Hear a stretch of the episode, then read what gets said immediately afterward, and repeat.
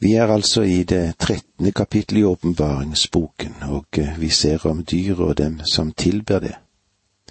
Og det vi vil komme innom er at hornene de, de symboliserer makt, og hodene intelligens, og dyret et jordisk rike. Det er eh, disse tingene vi berører etter hvert som vi går frem i Johannes' åpenbaring, og så har vi et annet syn og som vi vil trekke frem, nemlig at Antikrist, han er en fornektelse av Kristi person. Mer enn i seg selv en virkelig person. Med andre ord så er Antikrist falsk lære, og ikke nødvendigvis en person som en gang skal stå frem og åpenbare seg. Forklaringen er, tror jeg da, det ligger i betydningen av den preposisjon anti viktig som kan brukes på to måter. Den første betydningen av anti, det er å stå imot. Og den andre betydningen av dette er istedenfor. Begge disse to meningene finner vi i Bibelen. Både i det første og det andre brev så nevner Johannes Antikrist.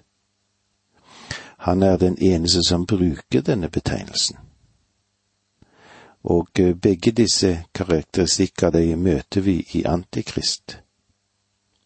Han er den som står mot Kristus, og han er den som imiterer Kristus. Antikrist er begge. I sitt første brev så skriver Johannes det slik når vi leser de første Johannes 2,18.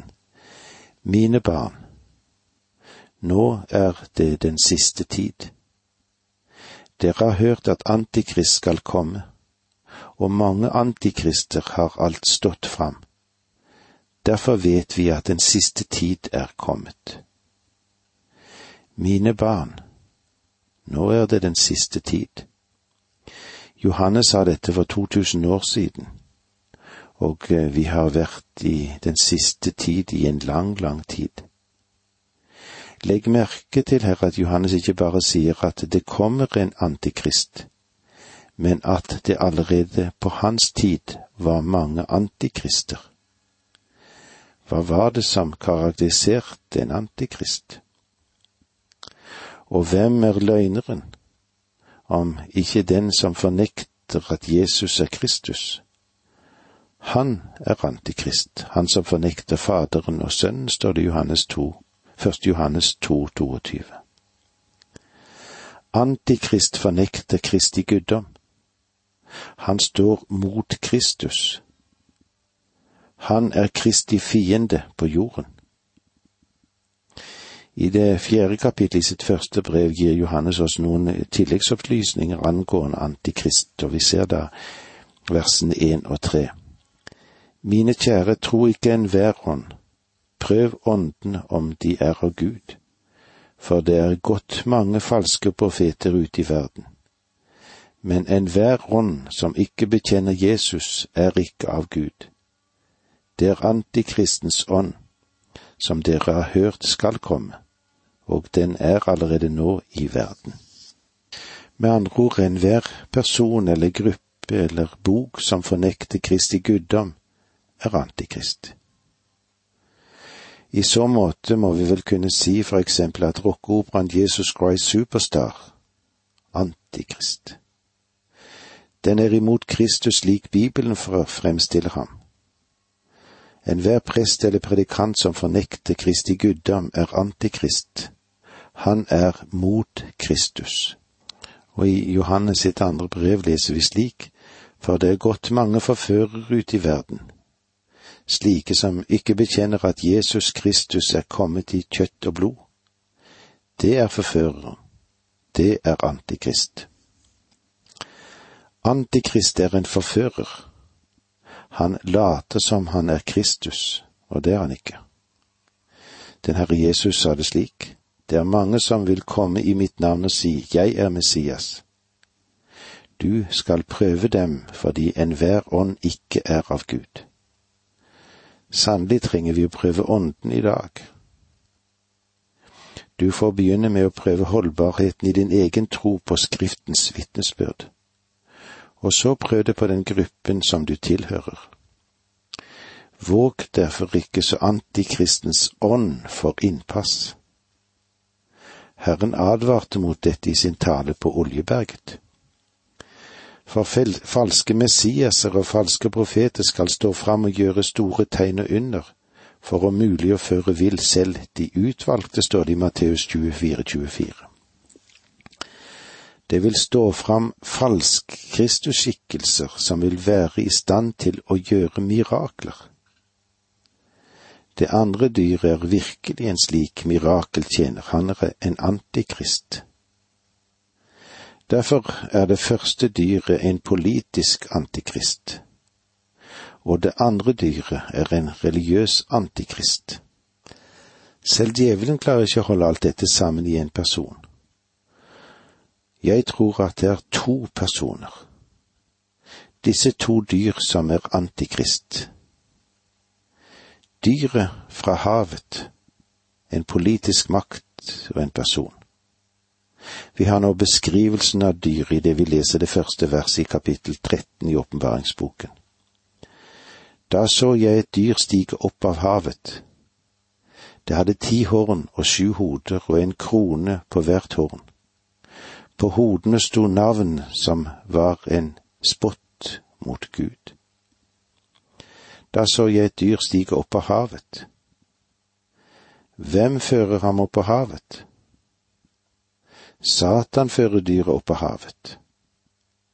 I Skriften er havet et bilde på verdens nasjoner, på menneskeslekten, som det rastløse havet.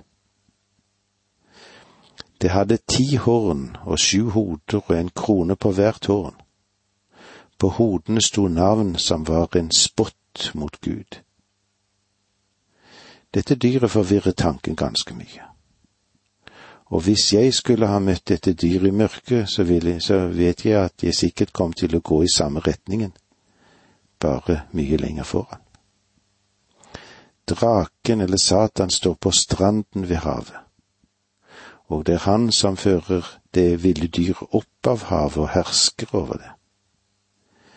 Dette er Satans mesterstykke. Det første dyret er en person som leder det gamle romerske riket. Dette riket falt ganske enkelt fra hverandre, og han er den eneste som vil være i stand til å føre det sammen igjen. Det virker som om Gud tar sin hånd bort fra verden for en stund og overlater den til Satan. Jeg tror at dette er en slags poetisk rettferdighet. Gud må la Satan demonstrere at han nå gis frie tøyler, og han er i stand til å skape. Ellers ville Satan alltid vært i stand til å si til Gud fra du ga meg aldri en sjanse. Om du hadde tatt hånd bort fra meg en tid og latt meg være alene, ville jeg vært i stand til å nå mine mål og opprette et annet rike. Men Gud vil la Satan få sin vilje slik at han ikke noensinne vil kunne si dette. En forståelse av Daniels profeti er svært viktig for å forstå åpenbaringsboken. Dette dyret ligner beskrivelsen av de fire dyreskikkelser i det sjuende kapitler i Danielsboken. Der møter vi en profetisk historie om det romerske riket frem til det lille horn, og den ødeleggelse som fant sted. Det virket som det fjerde dyret skulle slumre en stund, og ut fra et av de sju hoder kom det fram ti horn, og fra dem kom det et lite horn. Det lille hornet knyttet sammen de tre horn og var i stand til å ta de andre sju. Da Johannes skrev, var mye av Daniels sin profeti fullbyrdet.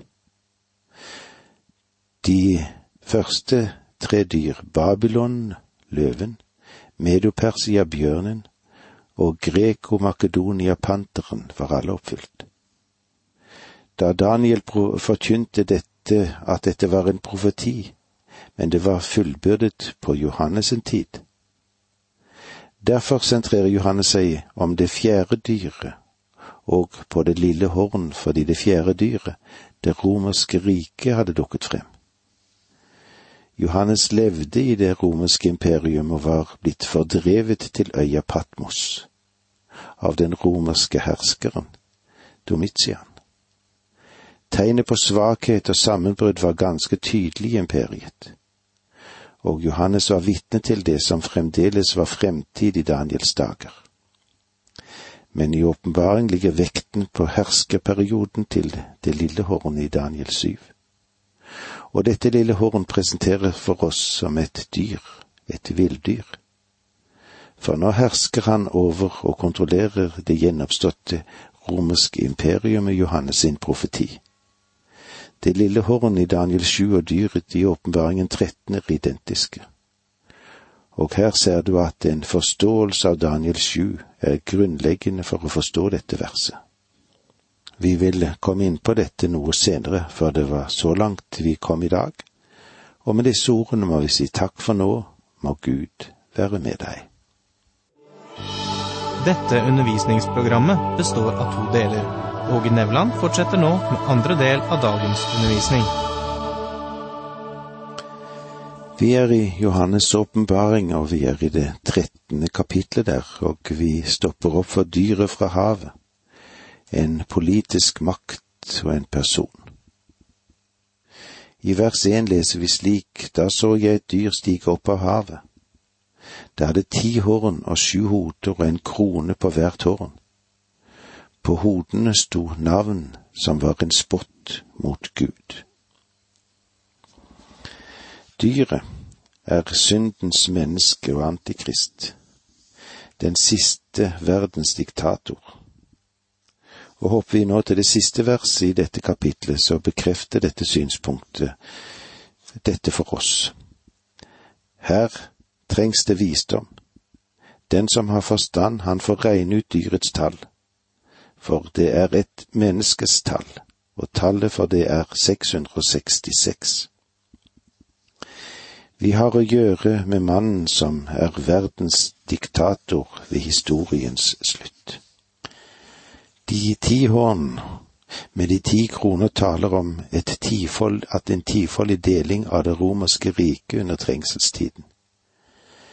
De ti horn er ti konger som vil herske over disse ti deler. Denne tolkningen bekreftes i åpenbaringen 1712. Det lille horn kommer til makten ved først å knekke tre av disse herskere, og etterpå dominerer han de andre sju og blir på den måten en verdensdiktator. Det er ikke lett å forklare de sju hoder. De blir beskrevet, eller blir beskrevet for oss i åpenbaringen 17, 9 og 10, som sju konger. Disse hersker ikke samtidig slik de ti horn gjør, men de opptrer i kronologisk rekkefølge. Noen har tolket dem som en som å representere visse romerske herskere, som for eksempel Domitian, som hersket da dette ble skrevet. Andre tolker disse sju hodene som de sju styringsmodellene som det romerske riket hadde. De hadde konger. De hadde råd. De hadde diktatorer. De hadde triumvirater. De hadde militære tribuner og keisere. Et tredje synspunkt er at de sju hoder kunne representere sju mektige nasjoner i historien som spottet Gud. Det var Rom, Hellas, Medio-Persia, Kaldea, Egypt, Assyria. Dyrets rike som vil komme, kan representere det sjuende. En annen sannsynlig tolkning er at de sju hoder korresponderer med de sju hoder på draken som forteller om en ekspansjonell visdom. Det er Satan som gir makt til syndens menneske, den siste diktator. Jeg tør ikke være så skråsikker på når det gjelder noen av disse synspunkter, og jeg føler at jeg ikke absolutt nødvendig må være det heller. Alle de sju hodene er synlige og eh, skyldige, ser det ut for til å spotte Gud. Guds bespottelse fremtrer i alle fall på to måter. Først ved at mennesket gjør seg lik Gud. Det vil si at mennesket tar Guds plass. Og det andre tar Guds navn forfengelig, misbruker og håner hans navn. Herskerne i Rom var skyldige i det første formen som vi var innom. De prøvde å gå inn i Guds sted, og de lot seg tilbe som Gud. Fariseerne var skyldige i det siste alternativet da de spottet Den hellige ånd. Dyret er skyldig i begge. Vi leser det andre verset her i kapittel 13. Dyret jeg så, lignet en leopard, men hadde føtter som en bjørn og gap som en løve. Draken gav det sin kraft og sin trone og stor makt. Dette er en forunderlig skapning. En slik skapning har aldri vært sett på land eller på hav eller i luften. Dette er noe merkelig og enestående. Johannes legger merke til at dette dyret er et sammensatt dyr. Og nå kan vi begynne å meisle ut en del klare fakta angående Antikrist. Han kombinerer karakteristiske trekk fra det andre dyret det som representerer kongeriker, som Daniel så i sitt syn i Daniel 7. Det å sammenholde Daniel 7 og dette verset vil kanskje hjelpe deg. Skal vi si A. Dyret jeg så lignet en leopard. Den ytre framtoning av dette dyret lignet en leopard, men det står ikke at det var en leopard. Deretter så jeg et annet dyr som lignet en leopard. Det hadde fire fuglevinger på ryggen, og det hadde fire hoder. Dyret fikk stor makt, Daniel 7,6. Dette dreide seg om det, det gresk-makedonske riket.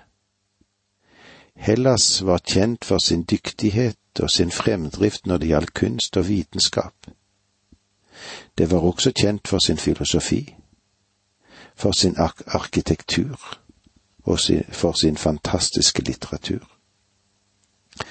Det greske språket er i seg selv et vakkert språk. Dyrets rike ville ha alle de ytre tegn på kultur, det som var grekernes glans. Altså, det første dyret jeg så lignet en leopard. Så kommer vi til B men hadde føtter som bjørn. Det minner oss om det andre dyret hos Daniel, Daniel 7,5. Så fikk jeg se et dyr til, det andre i rekken. Det var likt en bjørn, og det reiste seg halvveis opp. I gapet mellom tennene hadde det tre ribben, og det ble sagt til det, stå opp og et mye kjøtt. Dette var det mediopersiske riket, kjent for sin hedenske glans.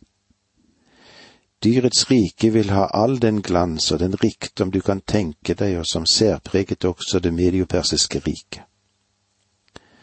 Og et gap som en løve. Det minner oss om det første dyret i Daniel 7, vers 4. Det første dyret var som en løve og hadde ørnevinger. Mens jeg så på det, ble vingene revet av, og det ble løftet fra jorden og reist på to føtter som et menneske, og det fikk et menneskehjerte. Dette var Babylons autokrati. Da Nebukaneser beordret at hans vismenn skulle drepes, og at de tre hebraiske ungguttene senere skulle kastes i ildovnen, da var det ingen som kunne stille spørsmål ved hans autoritet. Han var hodet av gull. Han var en autokrat. Selv om syndens menneske ville være en av tærne på statuen Daniel så, delvis sammensatt av leire og delvis av jern, så ville han herske med diktatorisk autoritet på samme vis som Nebukadneser. Den siste verdens diktator når sin høyde under Satan sitt herrevelde. Kilden til denne diktators makt finner vi i Satan som løfter ham opp, gir ham makt og setter ham i stand til den grusomme diktatoriske gjerning han nå vil gjøre. Han er det nærmeste du kan komme til en inkarnasjon av Satan som fremstilles på Bibelens blad. Lukas skrev at Satan hadde tatt sin bolig i Judas Iskariot. Det kan du se om i Lukas 22,3. Kristus brukte et lignende språk da han talte til Simon Peter i Matteus 16,23. Er syndens menneske inkarnasjon av Satan, det vil si Satan i menneskeskikkelse? Jeg tror vi kan si det. Det er i alle fall sant og visst at Satan bor i ham. Paulus skrev om dette i 2. Tessalonikerbrev 2, 9 og 10. Når den lovløse kommer, har han sin kraft fra Satan, og han opptrer med stor makt og med under og falske tegn. Med all slags urett forfører han dem som går fortapt fordi de ikke tok imot og elsket sannheten, så de kunne bli frelst. Vi leser videre vers 3, kapittel 13. Et av dyrets hode så ut som om det hadde fått banesår, men det dødelige såret ble leget, og all verden undret seg over dyret og fulgte det.